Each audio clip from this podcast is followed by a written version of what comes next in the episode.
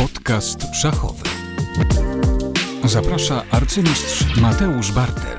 E, witam w kolejnym odcinku podcastu szachowego. Dziś dość wyjątkowa e, okazja, wyjątkowy odcinek, bo pierwszy z, nazwijmy to, serii historycznej.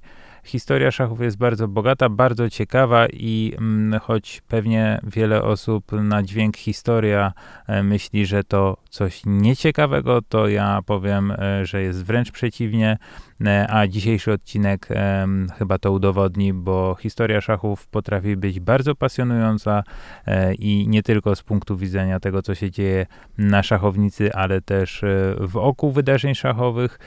A zaczynamy z, od bardzo głośnego bardzo ciekawego, pasjonującego wydarzenia, jakim był e, mecz z 1978 roku pomiędzy Anatolijem Karpowem a Wiktorem Korcznojem. Wydarzeń nie brakowało, emocji nie brakowało, skandali nie brakowało, czyli coś, o czym musimy powiedzieć e, i chcemy powiedzieć, a rozmawiać ze mną będzie chyba największy albo jeden z największych ekspertów e, szachowych e, w Polsce, a przy okazji jeden z moich pierwszych trenerów w Polonii Warszawa, czyli pan Tomasz Lisowski. Witam bardzo serdecznie, panie Tomku. Dzień dobry, dzięki za zaproszenie. Mm, tutaj wydaje mi się, że można przypomnieć takie, taką opinię bardzo nienaukową, że trenerem, y, trenerem szachowym zostaje ten, który nie umie sam grać w szachy, a jeśli nie umie trenować, to zostaje pisarzem szachowym. Ale być może, że to opinia niesłuszna. E, na pewno nie do końca słuszna, aczkolwiek słyszałem to z ust wielu osób, także może przez powtarzanie się utarło. Podcast szachowy. Rozpocznijmy może prezentując tak pokrótce mm, sylwetki obu zawodników. E, oczywiście e, ich sukcesy były tak liczne, że wymienianie ich tutaj nie miałoby e, sensu, natomiast warto mm, powiedzieć, że mm, Korcznoj w 1978 roku miał aż 47 lat. To był już człowiek z bardzo bogatą karierą, ale człowiek, który po raz pierwszy zasiadł do gry no, o szachową koronę. E, człowiek, który mm, miał też bardzo barwne e, życie, był osobą o takim nie, nieprostym charakterze. E, właściwie większość osób, można powiedzieć, go nie lubiła, bo był taki niezbyt sympatyczny, przyjemny. Na pewno miało wpływ na jego zachowanie, na jego życie, to czego doświadczył jako dziecko. Ja bardzo tutaj chciałbym podkreślić ten fakt, że osoba e, urodzona w 1931 roku w Leningradzie przeżyła e, oblężenie Leningradu, e, coś, co wielu osobom się nie udało. Wiele osób zmarło z głodu, na przykład jego babka. Później on został wywieziony w głąb Rosji i tam no, niemal cudem odratowany. To na pewno na, na, na wiele jego zachowań miało wpływ. Z drugiej strony zasiadł Karpow, czyli człowiek już tak naprawdę z innej generacji, bo urodzony 20 lat później, osoba, która no właściwie była takim ideałem radzieckiego zawodnika, można powiedzieć, bo i etniczny Rosjanin, i do tego osoba, która dobrze wtapiała się i wcześniej, i później w system no, ustrój radziecki, można powiedzieć, taka wizytówka e, reżimu. E, I e, dla Karpowa też był to mecz specyficzny, o tyle, że on był mistrzem świata, ale przypomnijmy, był mistrzem świata tylko dlatego, że Mm, no może nie tylko dlatego, może mecz z Fischerem by wygrał, ale do tego meczu nie doszło, także on jeszcze nie potwierdził e, tych swoich umiejętności e, w boju, e, pomimo tego, że już miał bardzo mm, bogatą legendę zwycięstw w turniejach, wszyscy gdzieś traktowali go jako mistrza na papierze, mistrza, który jeszcze w, w, na szachownicy no, nie pokonał e, rywala i e, to na pewno e, dla niego też było istotne starcie. De facto obaj grali o pierwszy tytuł mistrza świata w meczu troszkę podobnie jak teraz Ding z Niepomniaszczym. E, natomiast e, warto zauważyć, bo to może wielu osobom umknęło, że nie był to pierwszy mecz e, tych dwóch panów, cztery lata wcześniej oni grali ze sobą finałowy mecz e, pretendentów. Zresztą e, zwycięstwo w tym meczu, chociaż wtedy jeszcze nikt o tym nie wiedział, dało Karpowowi tytuł mistrza e, świata, bo był to 1974 rok. Karpow wygrywa, ma grać z Fischerem, Fischer odmawia gry, Karpow zostaje mistrzem świata. Czyli w teorii moglibyśmy powiedzieć, że mamy powtórkę z rozrywki, że panowie zagrali już ze sobą jeden mecz, długi, 24-partiowy, zakończony minimalnym zwycięstwem Karpowa, ale jesteśmy 4 lata później, e, mamy mecz zupełnie inny, 32 partie e, i e, nie tylko to jest różnica. Jakie jeszcze rzeczy sprawiały, że to tak naprawdę było zupełnie nieporównywalne wydarzenie do tego, co miało miejsce 4 lata wcześniej? Mm, Otóż to, mm, y, tylko z pozoru mecz w Baguio w 1978 roku był powtórką meczu y, moskiewskiego 4 lata wcześniej, y, ponieważ tym razem nie już przy stoliku nie mieli zasiąść przeciwko sobie dwaj reprezentanci tak zwanej radzieckiej szkoły szachowej. Rzecz polega na tym, że w 1976 roku, czyli dwa lata wcześniej, Korcznoj po turnieju w Amsterdamie odmówił powrotu do Związku Radzieckiego, poprosił o azyl polityczny, następnie zamieszkał w Szwajcarii, uczynił Szwajcarię swoją, swoją bazą, ale zamiast idąc śladem innych uciekinierów ze Związku Radzieckiego, zamiast siedzieć cicho jak mysz pod motłą, żeby go nie zauważano, jeszcze nękał władze radzieckie i Federację Szachową Radziecką za pomocą rozmaitych akcji, protestów i deklaracji. I mm, to powodowało, że mecz nabrał zupełnie innego charakteru. Mecz stał się konfrontacją między e, światem, wolnym światem Zachodu i krajem Rad, a z punktu widzenia urzędników radzieckich ten mecz musiał być wygrany przez reprezentanta Związku Radzieckiego, ponieważ w kraju Rad żadna rzecz nie była apolityczna.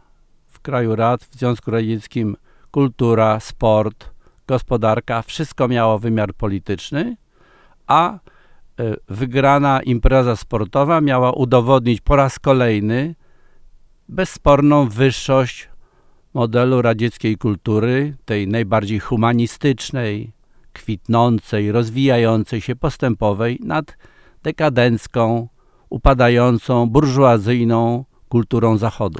Tutaj może bym wtrącił, że dodatkowym smaczkiem było to, że Korcznoj na drodze do meczu w 78 roku z Karpowem pokonał trzech reprezentantów Związku Radzieckiego, czyli Petrosjana w ćwierćfinałach, później Poługajewskiego w półfinale i w finale Spaskiego, czyli e, już e, ta rywalizacja na zasadzie Zachód, Związek Radziecki była po stronie Korcznoja i e, to jeszcze chyba podgrzewało atmosferę tego pojedynku, bo Korcznoj wtedy mógłby jeszcze bardziej podkreślać, że on sam tutaj pokonał, powstrzymał e, no, ten zły Związek Radziecki. Mm, oczywiście. No, jeszcze dodajmy do tego, że począwszy od roku 1948, gdy Botwinnik został pierwszym radzieckim mistrzem świata, Radziecka Federacja Szachowa i, i państwo radzieckie uważało tytuł mistrz szachowego mistrza świata poniekąd za, za swoją własność, za coś, co im się należy, co oni muszą zawsze mieć.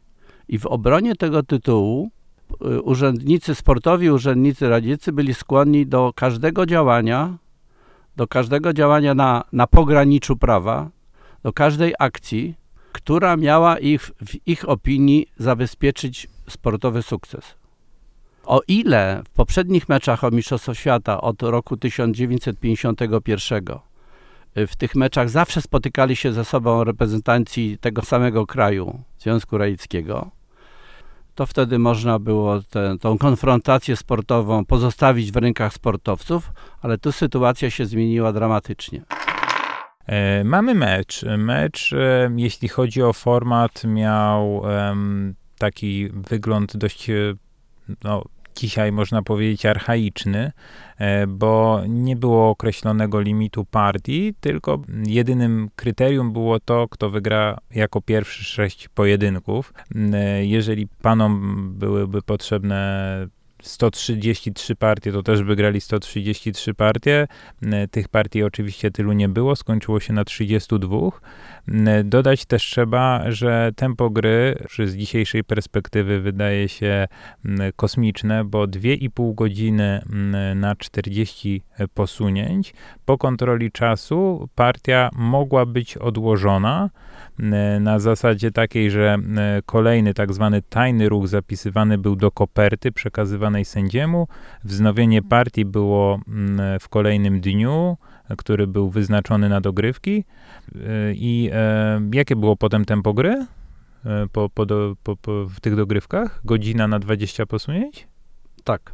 Godzina na 20 posunięć. I warto dodać, że na te dogrywki zawodnicy mogli, i to też widzieliśmy, jedna z takich scen e, pamiętnych z Gambitu Królowej, gdzie e, temu Bor Borgow się nazywał, ten rywal Beth Harmon, gdzie on analizuje z arcymistrzami. To dokładnie tak wyglądało, czyli siadali sobie e, zawodnicy, e, sztaby analizowały i tutaj oczywiście w tamtych czasach też tak było, że e, partia, która była odłożona, E, ingerowali w jej przebieg właśnie pomocnicy, sekundanci, trenerzy, którzy, e, którzy mogli płynąć na, na to, co się wydarzyło.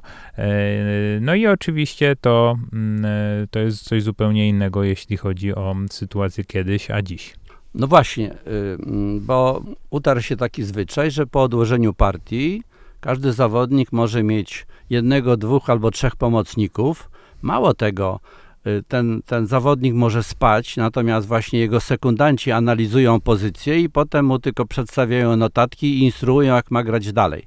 Więc z dzisiejszego punktu widzenia to jest jakieś niesłychane, nie, niesłychana ingerencja mm, trzecich osób w przebieg partii, ale y, trzeba powiedzieć, że nie dlatego dogrywki i odkładanie partii zostało skasowane, że dzisiaj się partia się musi zakończyć w jednym posiedzeniu, tylko powodem, y, powodem tych zmian y, jest pojawienie się mm, komputerów, programów komputerowych, które analizują, prawda? I w momencie, gdy, gdy po odłożeniu partii program komputerowy może do końca, do mata wyanalizować wszystkie możliwości, to wtedy odkładanie nie ma sensu. To zamieniłoby się w pojedynek komputerów i dlatego dlatego już nie ma tajnego posunięcia, koperty z tajnym ruchem i tak.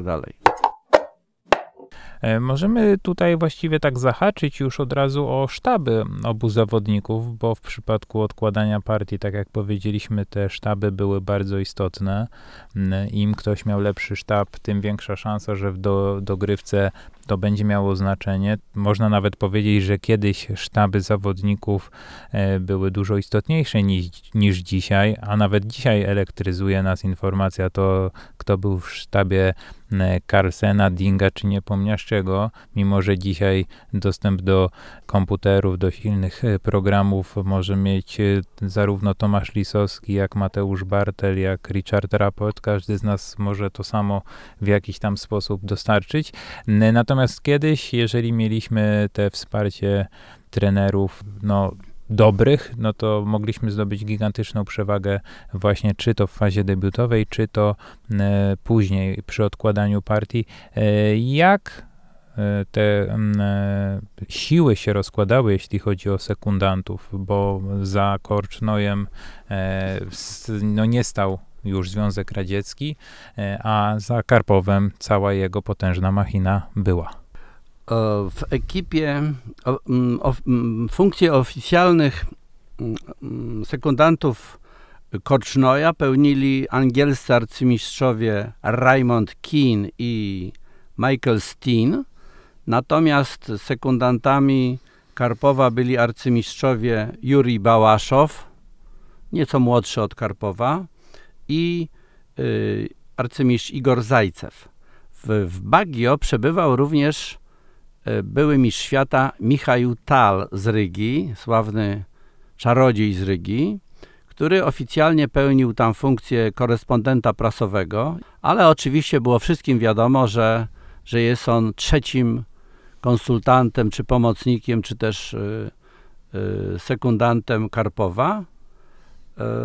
I mm, ja, m, warto powiedzieć, że e, Tal znakomicie się do tej roli nadawał, ponieważ od 20 lat sam przecież rywalizował z Korcznojem i świetnie go znał. Wszystkie, znał wszystkie świetnie jego wady i zalety. Y, Trzeba powiedzieć, że mm, tutaj mm, wyraźnie pojawia się pewien element nierówności szans na starcie, ponieważ Karpow wszystkie koszty związane z utrzymaniem ekipy, z przygotowaniem się do meczu pokrywała Federacja Szachowa Związku Radzieckiego. Karpow mógł liczyć na niemal dowolną w wymiarze finansowym i organizacyjnym pomoc. Jeśli chciał zrobić w, w jakimś kurorcie mecz treningowy dla sześciu osób, nie ma problemu. Zdobycie dowolnej ilości literatury, również tej za dewizy z zachodu, żaden problem. Jutro zamawiamy. Bilety lotnicze. Już urzędnik jedzie tam, dzwoni do linii lotniczej, będą bilety, oczywiście za darmo. I tak dalej, i tak dalej. Wszystkie te koszty pokrywała Federacja Szachowa. Natomiast Korcznoj skazany był człowiek już wolny, wyzwolony z okowów Związku Radzieckiego. Korcznoj był skazany na samofinansowanie.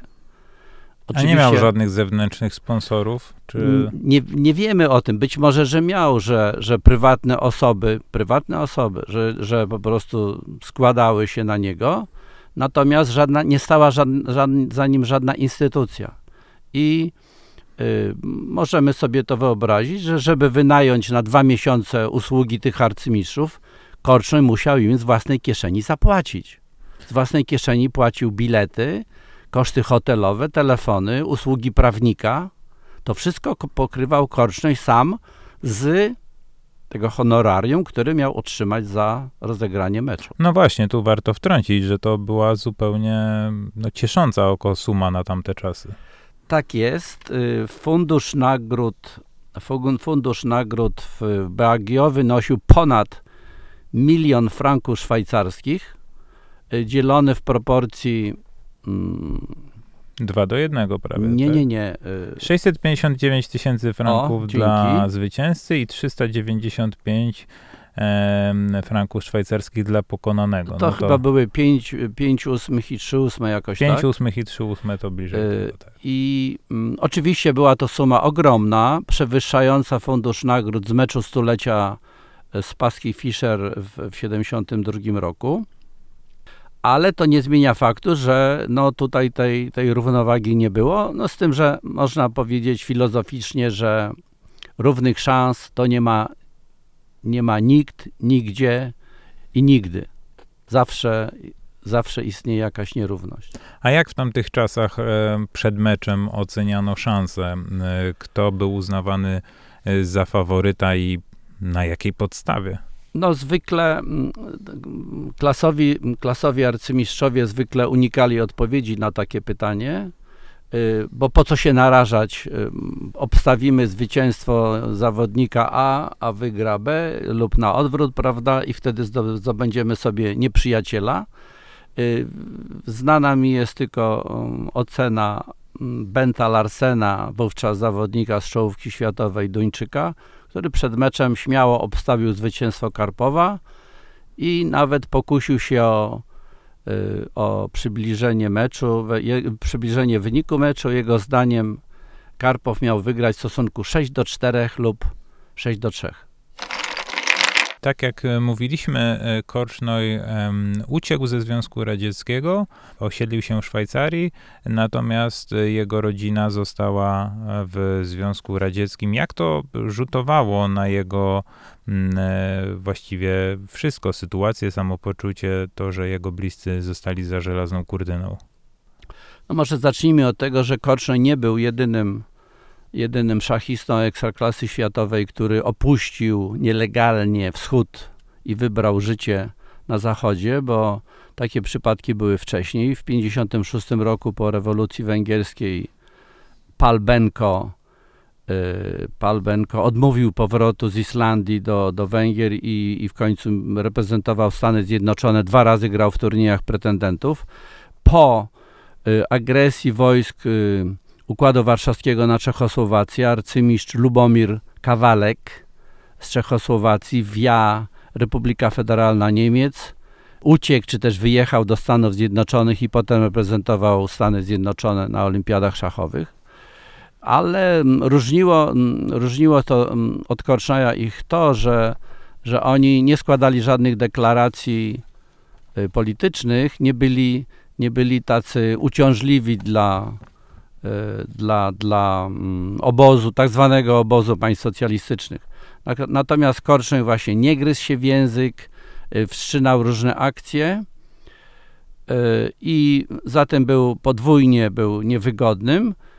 Y, z tym, że oczywiście musiało wpływać na niego, na jego samopoczucie to, że w Leningradzie pozostała jego żona i syn i wszyscy doskonale wiedzieli, że wprawdzie już nie są to lata stalinowskie, gdzie rodzina po prostu mogła zapłacić głową za ucieczkę y, członka rodziny, to jednak, y, to jednak musiał się liczyć z tym, że żona i syn przeżyją bardzo wiele nieprzyjemnych momentów, że będą nękani, że ktoś zostanie wyrzucony z pracy albo z uczelni. To musiało wpływać na psychikę Korcznoja.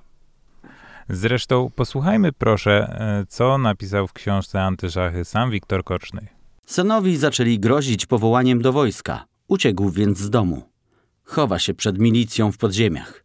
Są w ZSRR odszczepieńcami. Pozbawieni zostali środków do życia, wszelkich praw, jakichkolwiek kontaktów z ludźmi.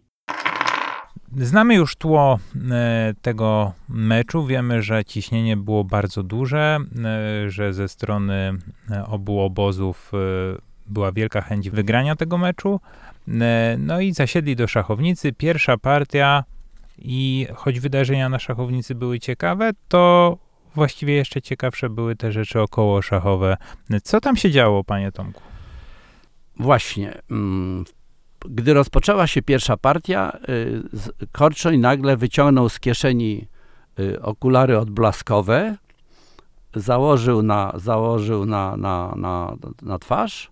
Y, te okulary rzucały refleksy na, na stronę Karpowa. Korczoń tłumaczył to w ten sposób, że okulary są dla niego ochroną przed hipnotyzującym, czy przed, a może denerwującym wzrokiem Karpowa, który ma nieprzyjemny zwyczaj wpatrywania się w twarz przeciwnika, gdy ten się zastanawia. Natychmiast nastąpiła kontrakcja delegacji radzieckiej i w następnych partiach okulary już się nie pokazywały.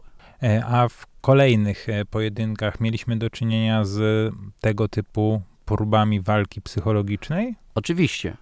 E, już w drugiej partii pojawia się sławny kefir. Otóż w pewnym momencie na, na prośbę szefa delegacji radzieckiej, byłego prokuratora wojskowego Baturińskiego, e, jeden z sędziów pomocniczych zanosi do stolika Karpowowi kubek kefiru.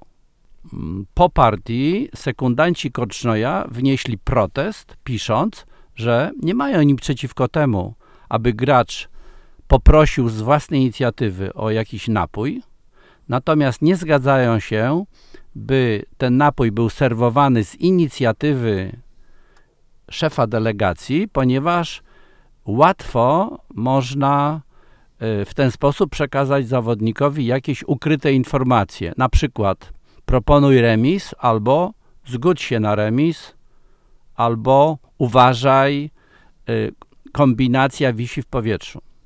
Czy y, te zastrzeżenia sekundantów mm, są oparte na realnych podstawach, to inna sprawa. W każdym razie temat kefiru był jak najbardziej na serio rozpatrywany przez grono sędziów i potem uchwalono jednak, że, że to musi być, że tylko zawodnik może prosić o podanie napoju, to nie może być y, y, serwowane z inicjatywy osób postronnych i, i jeszcze trzeba dodać, że ten, ten, ten kefir z Bagujo do dzisiaj jest pamiętane jako, jako ważne wydarzenie tego meczu. Czyli można zrobić e, takie niszowe e, fabrykę jogurtów Kefir z Bagio i będzie to hit. Myślę, że może być to, to może być hit rynkowy.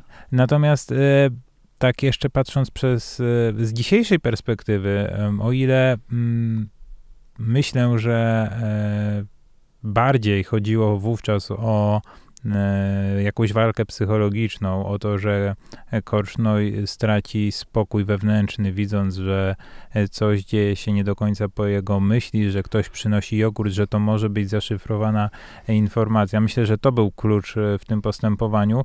E, Myślę, że nie jest niemożliwe, że, że dogadano się na temat tego, że to jest jakaś informacja, ale tutaj spodziewam się bardziej właśnie tego, że tak jak mówiliśmy, e, że e, Korczno wiedział, że rywale są e, zdolni do e, nieczystej gry, więc e, niewykluczone, że się między sobą dogadali, że to jest jakaś właśnie zaszyfrowana informacja, chociaż no wszelkie tego typu rzeczy i tak byłyby obarczone tym ryzykiem błędu, prawda, bo wtedy oczywiście komputerów nie było, to wszystkie, te wszystkie wskazówki, sugestie pochodziły od e, innych arcymistrzów, bo potencjalnie pochodziły, od Pochodziłyby. innych, pochodziłyby od innych e, arcymistrzów, e, no i e, też niekoniecznie to zawsze musiałaby być korzystna informacja. Inaczej jest w dzisiejszych czasach. Wyobraźmy sobie teraz mecz Carlsen-Niepomniasz, i nagle m, e, ktoś wnosi coś w ustalonym momencie, no to jeden czy drugi zawodnik w dość prosty sposób mógłby się zorientować, że to jest e, moment, w którym trzeba szukać wygranej, bo, bo komputer wskazuje wygraną. Dzisiaj byłoby to zupełnie niedopuszczalne. Wtedy wydaje mi się, że to głównie chodziło o wytrącenie Korcznoja z równowagi. Zresztą no, w dalszej części meczu nie brakowało takich e, sztuczek, żeby właśnie tego Wiktora e, sprowokować, prawda? Tak, zwłaszcza jeśli zaczniemy opowiadać o pierwszej rezultatywnej partii meczu, czyli o partii ósmej. A co tam się wydarzyło? Gdy, mm, gdy miała się rozpocząć partia ósma, y, Karpow już siedział przy stoliku, podszedł do niego, y, podszedł do niego Korczno i wyciągnął rękę na znak powitania, ale ręka, jak to się mówi, zawisła w powietrzu. Karpow nie wyciągnął swojej ręki i jak, jak pisze Korcznoj w książce Szachmaty bez paszczady, y, szachy bez, bez litości, y, wyjaśnił mu, że to dlatego, że, że on, Korcznoj, podczas konferencji, która odbyła się tuż przed rozpoczęciem meczu, obraził szefa delegacji y, radzieckiej, czyli Baturyńskiego oraz Michaiła Tala, pełniącego f- funkcję sprawozdawcy prasowego i oczywiście ten, y, wiele osób by powiedziało, nie chcesz mi podawać ręki, to nie, bez łaski i usiadłoby normalnie, ale dla, dla nadpobudliwego Korcznoja było to, było to aż nadto.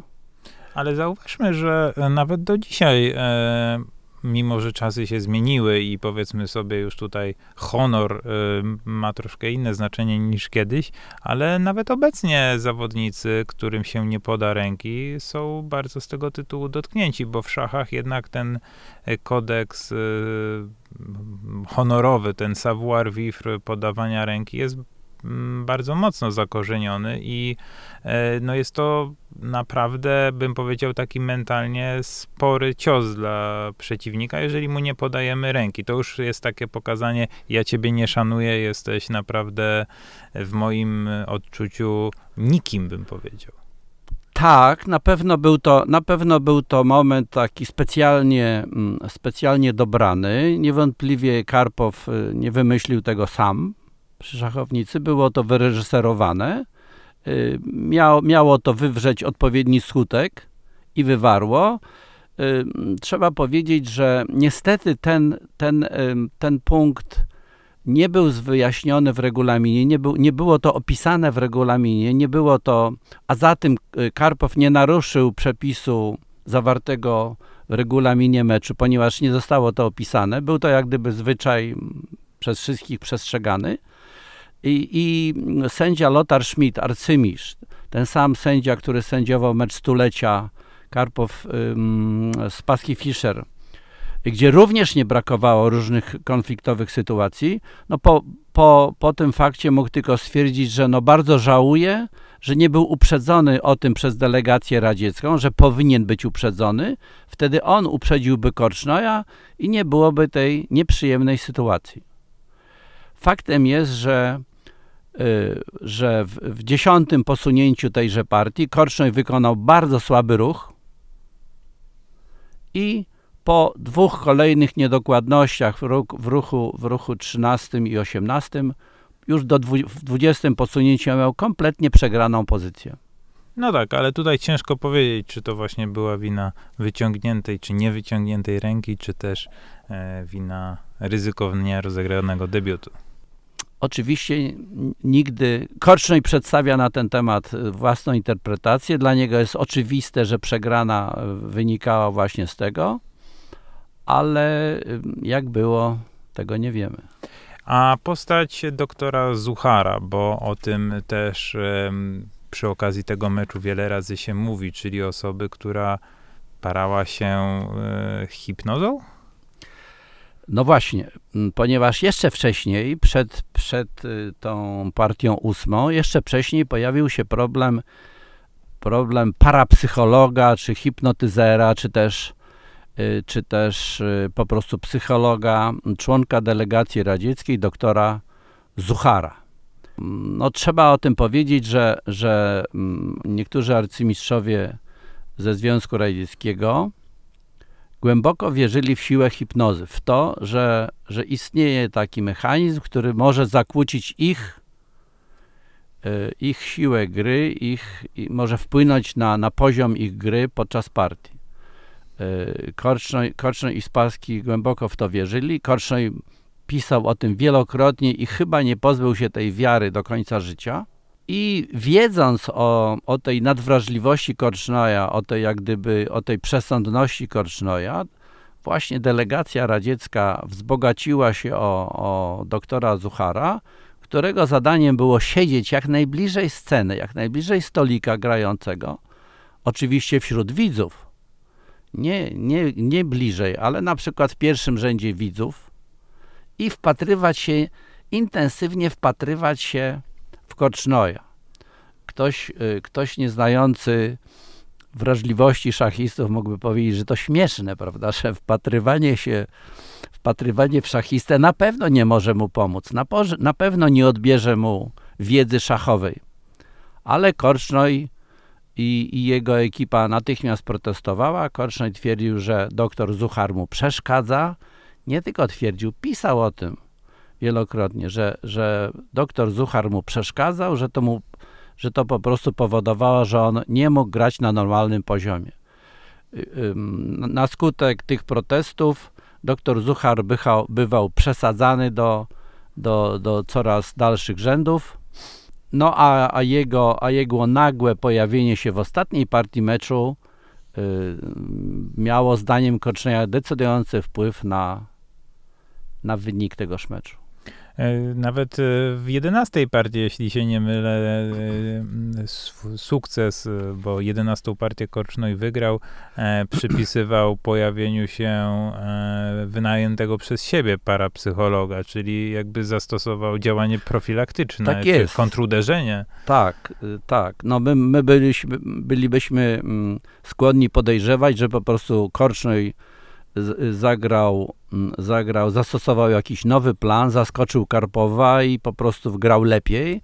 Tymczasem nie. Korcznoj tłumaczy to w ten sposób, że właśnie wynajął, wynajął y, doktora y, Berginera i tenże zneutralizował negatywny wpływ y, doktora Zuchara na niego, na Korcznoja, no i stąd to już potem wygranie partii było, było błahostką.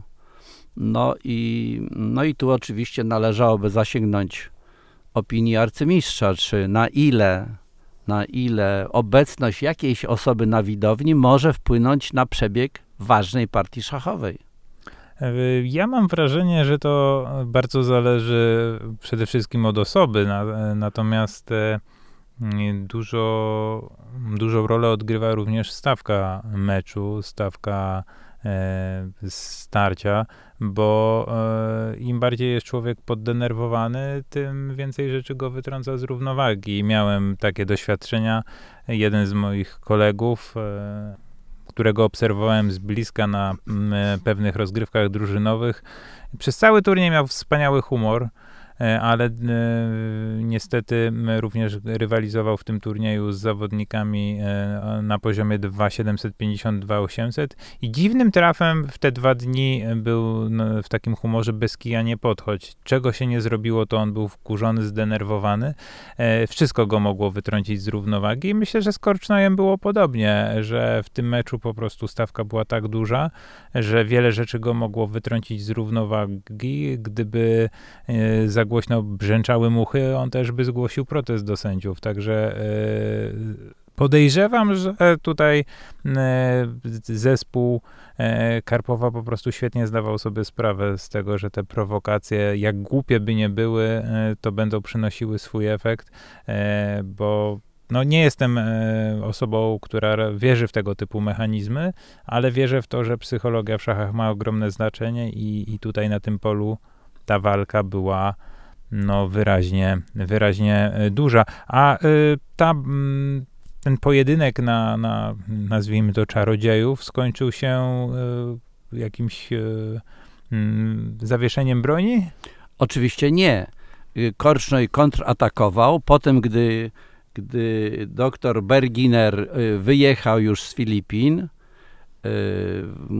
po, mm, po 17 partii, po 17 partii przegranej fatalnie przez Korcznoja po fatalnym błędzie przeoczył matową kombinację w trzech posunięciach. Korcznoj wyna, wy, wynajął y, parę, mę- mężczyznę i kobietę, parę joginów, parę magików z, z, z takiej organizacji y, roz, rozwoju ducha, albo też, a inni to nazywają sekty o nazwie, o nazwie Ananda Marga. I ta para joginów, y, na, nawiasem mówiąc, ym, ym, osoby o absolutnie anglosaskich nazwiskach, y, nie, nie indyjskich, ta para joginów y, miała za zadanie przebywać w pomieszczeniu centrum kongresowego, gdzie toczył się mecz i w pozycji lotosu równoważyć ten negatywny wpływ doktora Zuchara na grę Korcznoja. Świetna fucha swoją drogą. Tak, ale, y, ale Korcznoj nie przewidział kontrataku ekipy radzieckiej, ponieważ Baturyński natychmiast zażądał usunięcia joginów z Baguio, twierdząc, że Ananda Marga to organizacja terrorystyczna, że to organizacja, która w różnych punktach świata organizuje zamachy na instytucje indyjskie. Faktem jest, że że ta, ta wynajęta para joginów miała taki epizod, miała jakiś areszt y, pod, pod zarzutami, tyle że zostali bez żadnego postępowania zwolnieni i nigdy nie byli za nic ukarani. Faktem jest, że, y, że y, koniec końców joginowie zostali usunięci siłą przez, przez y, obsługę, no właśnie pod, pod pretekstem, że są to groźni terroryści. Przejdźmy e, powolutku jeszcze do takiego pobieżnego, bo nie szczegółowego e, opisu tego spotkania z punktu widzenia szachowego. E, Ja tak e, no, nadrobiłem, nie ukrywam się, pracę domową zrobiłem, przejrzałem te partie meczu. E, Pewnie bardziej kulturalny arcymistrz znałby te partie na wylot, ale jak widać brakuje mi ogłady. E, Przestudiowałem sobie repertuar obu zawodników i to byli zupełnie inni e, szachiści. E, Karpow to zawodnik, który białym kolorem niemal zawsze wybierał E4, to była jego główna broń. Z kolei Korcznoj niemal nigdy pionka E4 nie dotykał. Dodatkowo Korcznoj był dużo bardziej nieprzewidywalny, zwłaszcza czarnym kolorem. Mógł zagrać różne otwarcia, zresztą w tym meczu też różne otwarcia stosował. M, e, No i stylem gry byli z innymi graczami. E, Karpow e, zresztą do dziś właściwie jest porównywany do, do Carlsena, raczej zawodnik, który m, e, bardzo dobry jest w takim pozycyjnym graniu. E, Niektórzy nawet nazywali go zawodnikiem bez stylu, e, porównując chociażby do Tala, który no, rzucał się do gardła i tak dalej. Karpow raczej był graczem, e, który no, mniej e, zaangażowanych w szachy e, kibiców mógłby nudzić. E, Korcznoj był graczem bardzo ciekawym. Ja przyznam się szczerze, bardzo go lubiłem, jak jakieś jego partie oglądałem. Dużo więcej się w jego pojedynkach działo i do tego bardzo istotne jest to, że on się świetnie bronił, co zresztą w tym meczu w wielu momentach e, dało e, o sobie znać. Obaj, co ciekawe, bardzo dobrze grali końcówki. Zwykło się mówić, że Karpow był niezrównanym mistrzem końcówek, ale w tym meczu wielokrotnie okazywało się, że Korcznoj wcale nie jest gorszy. E, Mecz zaczął się od siedmiu remisów.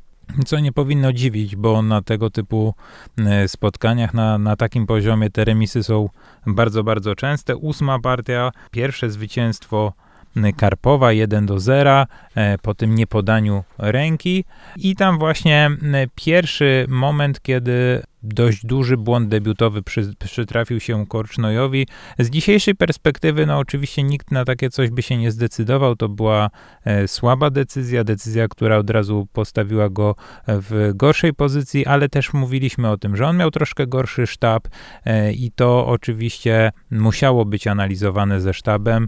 E, lepsi sekundanci zapewne odradziliby mu taką e, metodę gry, choć z drugiej strony Korcznoj wielokrotnie w tym meczu ryzykował, wybierał takie ścieżki moim zdaniem lekko podejrzane, e, ale pasujące do jego stylu gry, bo on e, takie jest moje wrażenie, właśnie lubił naruszać troszkę bardziej tą równowagę niż, niż Karpow. Mecz, e, stan meczu został wyrównany w partii numer 11, e, przy czym warto zwrócić uwagę na to, że właśnie Korcznoj w niej wybrał strategię, którą no moim zdaniem mógłby nawet e, w szerszym zakresie stosować. Zagrał w pierwszym ruchu G3, n- nagle na szachownicy ni stąd ni zowąd stanęła struktura zamkniętego wariantu obrony sycylijskiej, coś co w innych e, pojedynkach nie miało miejsca i tam Korcznoj w takich nowych okolicznościach odnalazł się dużo lepiej niż Karpow e, i zaskoczony jestem, że białymi troszkę bardziej nie eksperymentował w innych partiach meczu. E, Później m, mimo tego, że wydawałoby się, tak jak sobie przeglądałem te partie, że po 11 partii to Korcznoj pójdzie za ciosem, stało się coś zupełnie innego, bo partie 13 i 14 to były wygrane e, Karpowa, przy czym e, bardzo istotna była partia numer 13, bo wygrał ją czarnym kolorem Karpow. Zresztą e, to jest bardzo ciekawe, że w całym meczu, e, jeśli chodzi o czarne, Karpow e, wygrywał aż e, trzy razy, to jest bardzo dużo. E, I e, właśnie w tej partii Korcznoj miał dużą przewagę. E, Z jakichś przyczyn jej nie wykorzystał, a na koniec skończyło się wręcz podstawką e, Hetmana. Być może fatalny wpływ doktora Zuchara na grę pretendenta. To jest oczywiście niewykluczone. Zwróciłbym uwagę na 14 partię meczu, bo z punktu widzenia em, przygotowania szachowego to jest właśnie jedno, jeden z pojedynków, w którym em, no, Karpow wygrał, można powiedzieć, z debiutu. Był znakomicie przygotowany mm, w wariancie otwartym partii hiszpańskiej, miał fajną ideę, która wzmocniła wcześniejsze pojedynki. Z debiutu dostał świetną pozycję, no i bardzo ładnie ją, ją dowiózł. W tym momencie w meczu wynik brzmiał 3 do 1, no i już było nieciekawie dla, dla Korcznoja. Po paru partiach doszliśmy do partii 17. Partii, która w wielu meczach była istotna z punktu widzenia numerologii, bo mm, e, tak jak pan Tomek mnie tutaj wyedukował, w meczu, w poprzednich meczach, m, czyli Botwinnik Bronstein czy e, Talbot-Filnik, a także w meczu samego Korcznoja z Karpowem 4 lata wcześniej. W 17 partiach działy się dziwne rzeczy, dramatyczne rzeczy, no a partia w Bagio właściwie, można powiedzieć, przeszła oczekiwania, bo to kolejny pojedynek, w którym białe miał E, Korcznoj, który dograł się pozycji kompletnie wygranej na dzisiejszy język, żeby przybliżyć naszym drogim amatorom Stockfisha, miał około plus 6 w pewnym momencie, czyli absolutnie wygraną pozycję. Partia ta zamiast wygranej e, E, Korcznoja, a nawet po tuż przed kontrolą czasu było krok od wygranej, zamiast wygranej zakończyła się podstawką mata w trzy posunięcia. To oczywiście był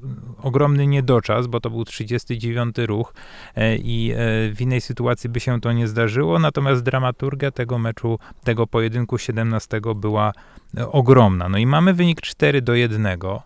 Jest już naprawdę słabo, ale wcale w tym momencie Korcznoj się nie poddał. E, mimo, że w 20 partii prawie było 5 do 1, bo tam naprawdę na linach Korczno się obronił. E, zresztą, no, wielokrotnie w tym meczu bronił gorszych pozycji mm, i to była jedna z tych partii, w których się obronił. E, I w nagrodę, być może to też e, w przypadku Karpowa gdzieś w głowie zostało, w 21 partii zrobił się wynik 4-2, e, mimo że bardzo fajną ideę debiutował po raz kolejny w tym meczu zastosował Karpow i to ideę debiutową, którą dużo później grali najlepsi gracze w latach no, już w XXI wieku z Anandem na czele, to ta idea gdzieś tam była niedopracowana, obalił ją przy szachownicy Korcznoj, e, no i 4-2. I kolejny raz w meczu, kiedy wydawałoby się, że łapie wiatr w żagle Korcznoj, e, Karpow się nie poddaje, Karpow wygra, wygrywa partię numer 27, e, wychodzi na wynik 5 do 2. Tę partię numer 27 Korcznoj rozgrywa bardzo słabo, I jeżeli wierzyć w taką jakąś, nie wiem, energię przepływającą w meczu, to ja bym powiedział, że już jest po meczu. Gdybym komentował w dzisiejszych czasach, to bym powiedział, że 5-2 przegrał słabą partię, do widzenia, no, e, zamyka się. Współczesny dziennikarz powiedziałby, że było, było pozamiatane, tak?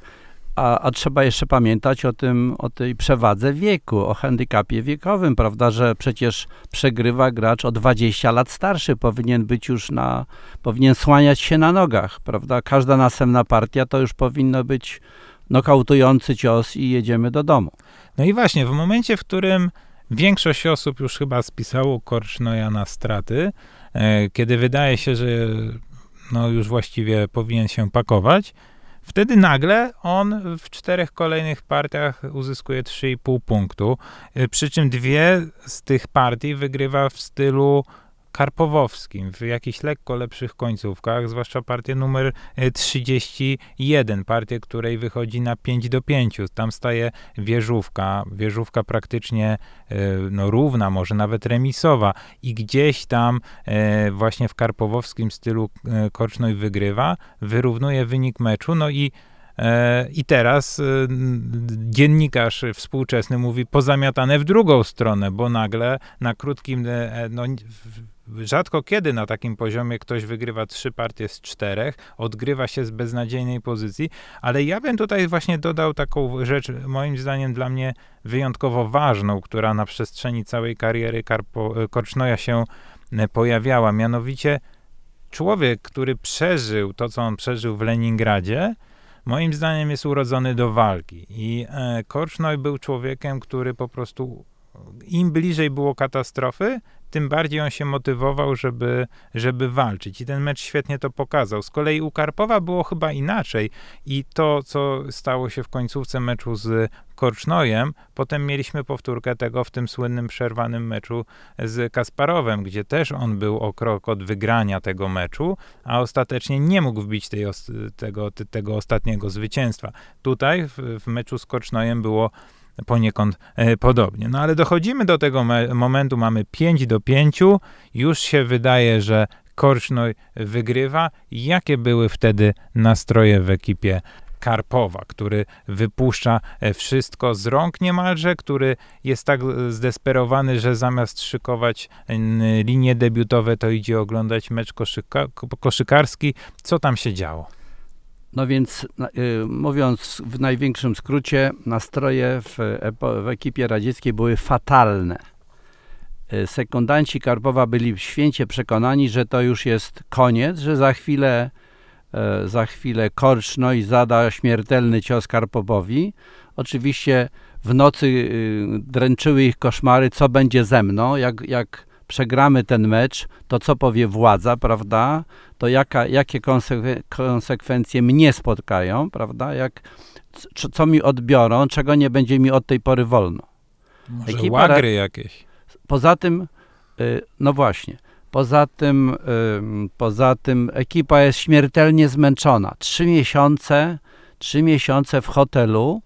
Trzy Bo miesiące, grano partię raz na ile dni? No by, były duże odstępy, ale oczywiście, ale ci sekundanci, prawda, nieustannie przesuwali figury na szachownicach, nieustannie coś analizowali, szukali lepszego rozwiązania problemów debiutowych i lepszego, y, lepszego wykorzystania pozycji po odłożeniu, więc oni są już śmiertelnie zmęczeni, mają wszystkiego dość, przewidują coś najgorszego. Y, Uciekają się nawet do magii i, i, i Igor Zajcew szuka bierze ka- talię, talię kart do ręki i szuka, szuka pociechy właśnie y, i myśl, mówi sobie, no jeśli wyciągnę damę tref z, z stali kart, to to Tola wygra. I o dziwo tą, jak, jak twierdzi, o dziwo tą kartę, tą kartę wyciąga, więc natychmiast biegnie do Toli i mówi mu, słuchaj, na pewno teraz wygrasz, bo tutaj, bo, bo właśnie mamy taki znak. Nie wiadomo od kogo ale w gruncie rzeczy są przekonani, że Tola przegra.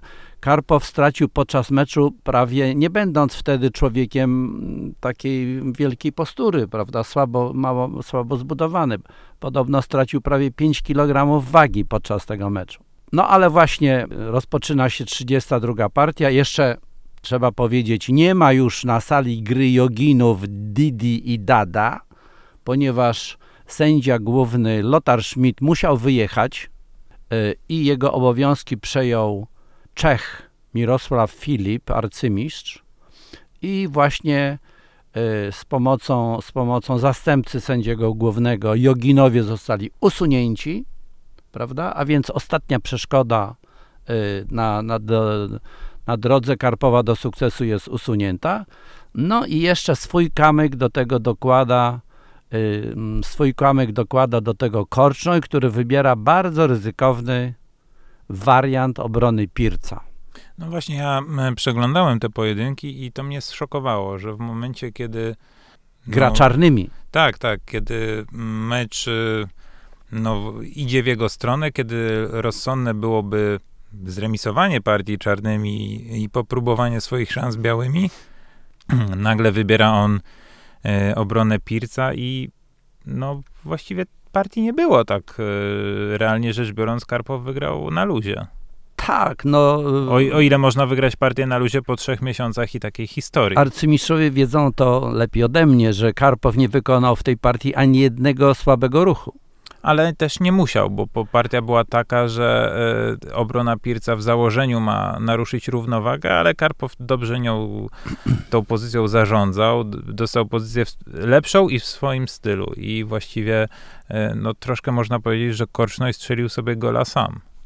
Korcznoj odłożył, odłożył partię w przegranej pozycji, zapisał posunięcie do koperty, ale na tym sprawa się nie zakończyła, ponieważ po, po, po przyjściu do hotelu e, ekipa Korcznoja poinformowała go, słuchaj, doktor Zuchar nie siedział w ósmym rzędzie, jak przewidywało nasze gentleman's agreement z Baturyńskim, tylko e, przesiadł się do rzędu czwartego. Korcznoj natychmiast zorientował się, że to była przyczyna, dlaczego w tej partii wykonał tyle podejrzanych albo po prostu słabych wręcz ruchów. I prawnik Korcznoja wystosował protest skierowany na ręce mm, arcymistrza Filipa, jak, jak się rzekło, zastępcy sędziego głównego, w którym Korcznoj tam oświadczał, że ponieważ zostało naruszone porozumienie, że ponieważ y, doktor Zuchar przeszkadzał mu w czasie gry, to on, Korcznoj, nie przyjdzie na dogrywkę, domaga się anulowania 32 partii i uważa mecz za niedokończony. Zastępca sędziego, arcymistrz Filip, zignorował to pismo. W momencie, gdy y, był wyznaczony moment na dogrywkę, uruchomił zegar Korcznoja i po upływie y, odpowiedniej ilości minut ogłosił zwycięstwo Karpowa w stosunku 6 do 5. Sprawa jeszcze ciągnęła się bardzo długo, ponieważ Korcznoj y, y, nie chciał się z tym pogodzić. Kilka miesięcy czy kilka tygodni później odbył się kongres FIDE w Buenos Aires przy okazji kolejnej olimpiady szachowej. Tam y, Federacja Szachowa Szwajcarii, popierająca Korcznoja, wystąpiła z protestem. Sprawą zajął się kongres ale ponieważ delegaci na kongresie no, nie mogli uwierzyć w to, że obecność doktora Zuchara bliżej albo dalej sceny mogła wpłynąć na Korcznoja, a ponieważ nie było innych y, przesłanek do uznania, oprócz tego właśnie, oprócz tego faktu, nie było innych przesłanek do uznania, że, że ta 32 partia odbyła się w nienormalnych, niesportowych warunkach, w związku z tym wynik meczu podważony nie został. Dla y, zwolenników tezy, że Korcznoj ostatecznie pogodził się z wynikiem meczu, dla zwolenników tej tezy, y, zwolennicy tej tezy y, przypominają fakt, że w, w momencie, gdy Korcznoj y, otrzymał czek dla y, z, z przekazem tych 350 tysięcy franków szwajcarskich, to on ten czek odebrał i podpisał. Był to czek dla, dla człowieka pokonanego w meczu. W związku z tym zwolennicy, y, zwolennicy Karpowa, zwolennicy tezy, że mecz był zakończony y, uczciwie i normalnie, y, właśnie mówią, skoro, skoro Kojszon podpisał czek i wziął wynagrodzenie dla pokonanego w meczu, to znaczy uznał się za pokonanego. E, dużo powiedzieliśmy o zakulisowej walce pomiędzy sztabami e, obu zawodników, o tym, e, jak ze sobą rywalizowały, jakie sztuczki stosowały. Natomiast zawodnicy oczywiście znali się od wielu lat, mieli o sobie jakieś opinie. Przygotowując się do podcastu, natrafiłem na wypowiedź bardzo negatywną Korcznoja o e, Anatoliu Karpowie i zapraszam do wysłuchania tej wypowiedzi. His name is Karpov, of carp, fish. On nazywa się Karpow, od karpia, czyli ryby. I on jest zimny jak ryba. Jego umysł jest bardzo dokładny, precyzyjny jak, no cóż, ryby. Nie ma tendencji do niedoceniania czy nawet przeceniania. To jego największa zaleta. Nie jest szachowo kreatywny. Nie jest kreatywny w debiutach czy końcówkach. On jest dokładnie jak prymus.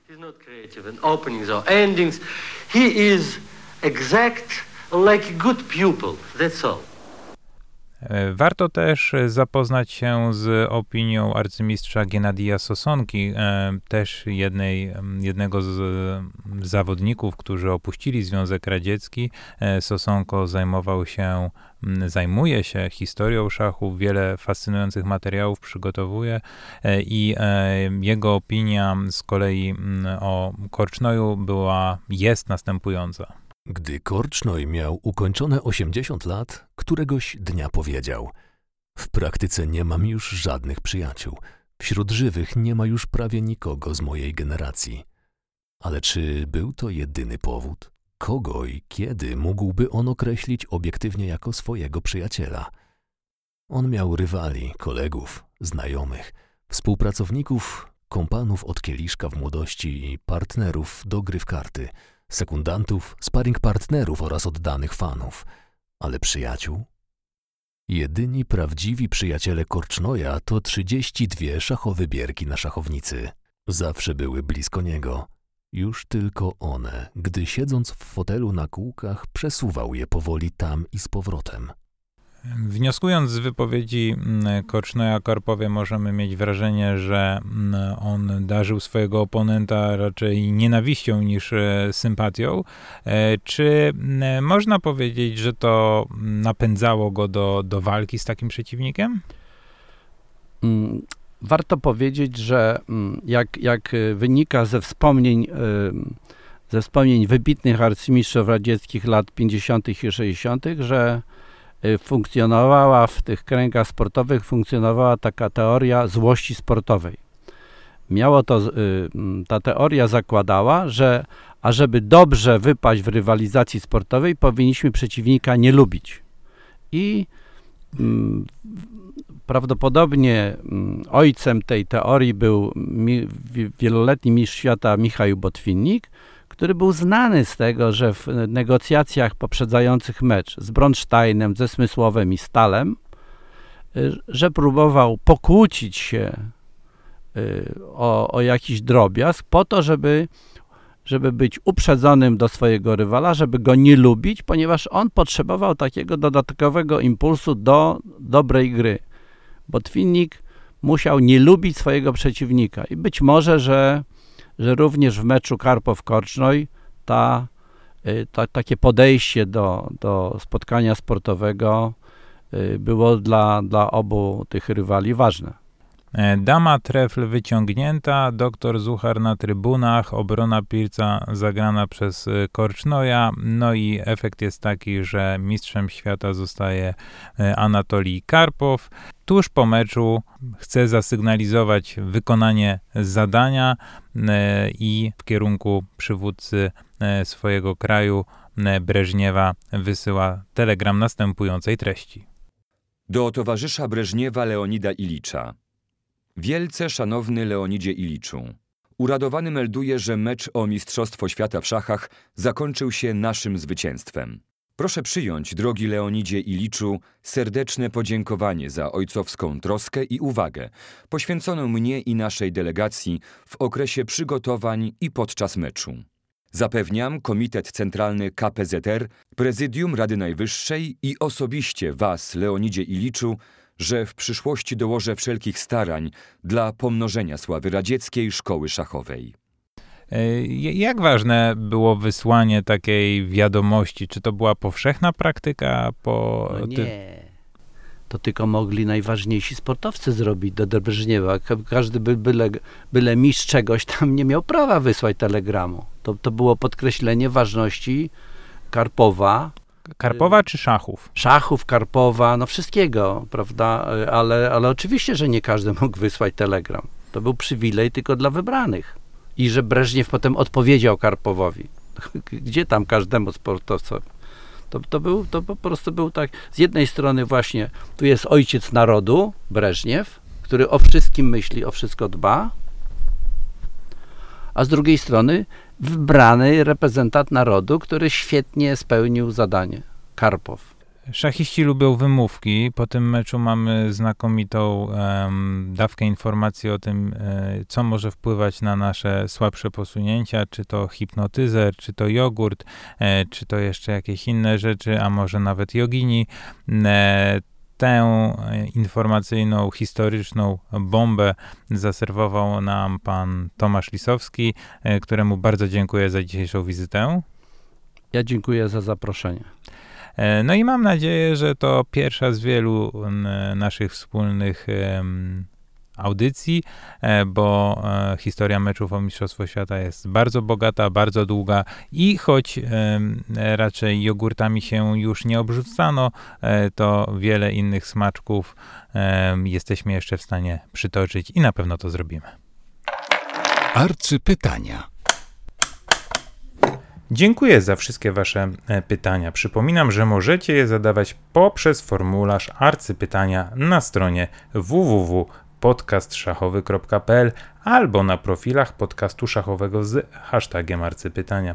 Sukcesywnie będę się starał odpowiadać na wszystkie, ale odpowiedź na niektóre będzie lub już jest w kolejnych odcinkach podcastu szachowego. Dzisiejsze arcypytania nagrywam z Lublina, gdzie przebywam na Ekstralidze, więc jest to taka e, odmiana, dla mnie ciekawe urozmaicenie podczas turnieju szachowego.